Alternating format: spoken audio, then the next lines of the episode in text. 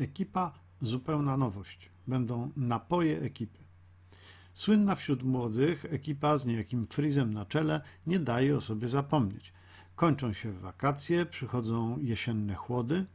Ogromny sukces, jakim było wypuszczenie lodów ekipy, już się nieco zużył, a przecież był to sukces niebagatelny. Mówiliśmy zresztą o nim sporo w jednym z odcinków of My Desk. Jesienne chłody sprawią, że popyt na lody, tak w ogóle, jak również i na lody ekipy, spadnie. I co z tym poradzić? Zresztą, tak między nami mówiąc, czy lody ekipy były jakoś niezwykle smaczne? No właśnie, smakowały wam? Jadłem je raz, raz mi właściwie wystarczył.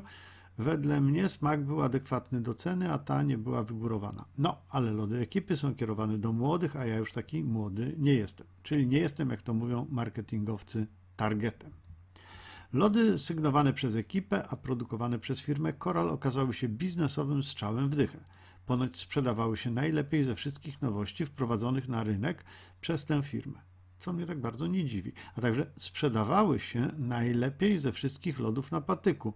To wydaje się chyba bardziej zaskakujące. Nic dziwnego, że zarówno firma, jak i sama ekipa postanowili pójść za ciosem.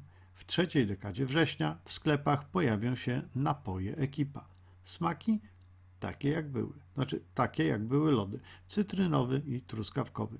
Czyli na zimne dni mamy napoje ekipy zamiast lodów ekipy. Nowość na rynku, nowy produkt sygnowany przez ekipę i nowość dla firmy Coral, która z producenta lodów staje się również dystrybutorem napojów. Napoje ekipy będą sprzedawane w puszkach o pojemności 250 ml. Czy staną się hitem porównywalnym z lodami?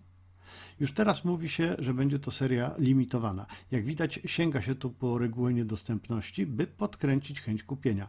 Jestem pewny, że znowu produkty ekipy trafią do nielicznych z początku sklepów, by jedynie niektórzy poczuli się zwycięzcami w wielkim wyścigu o napoje.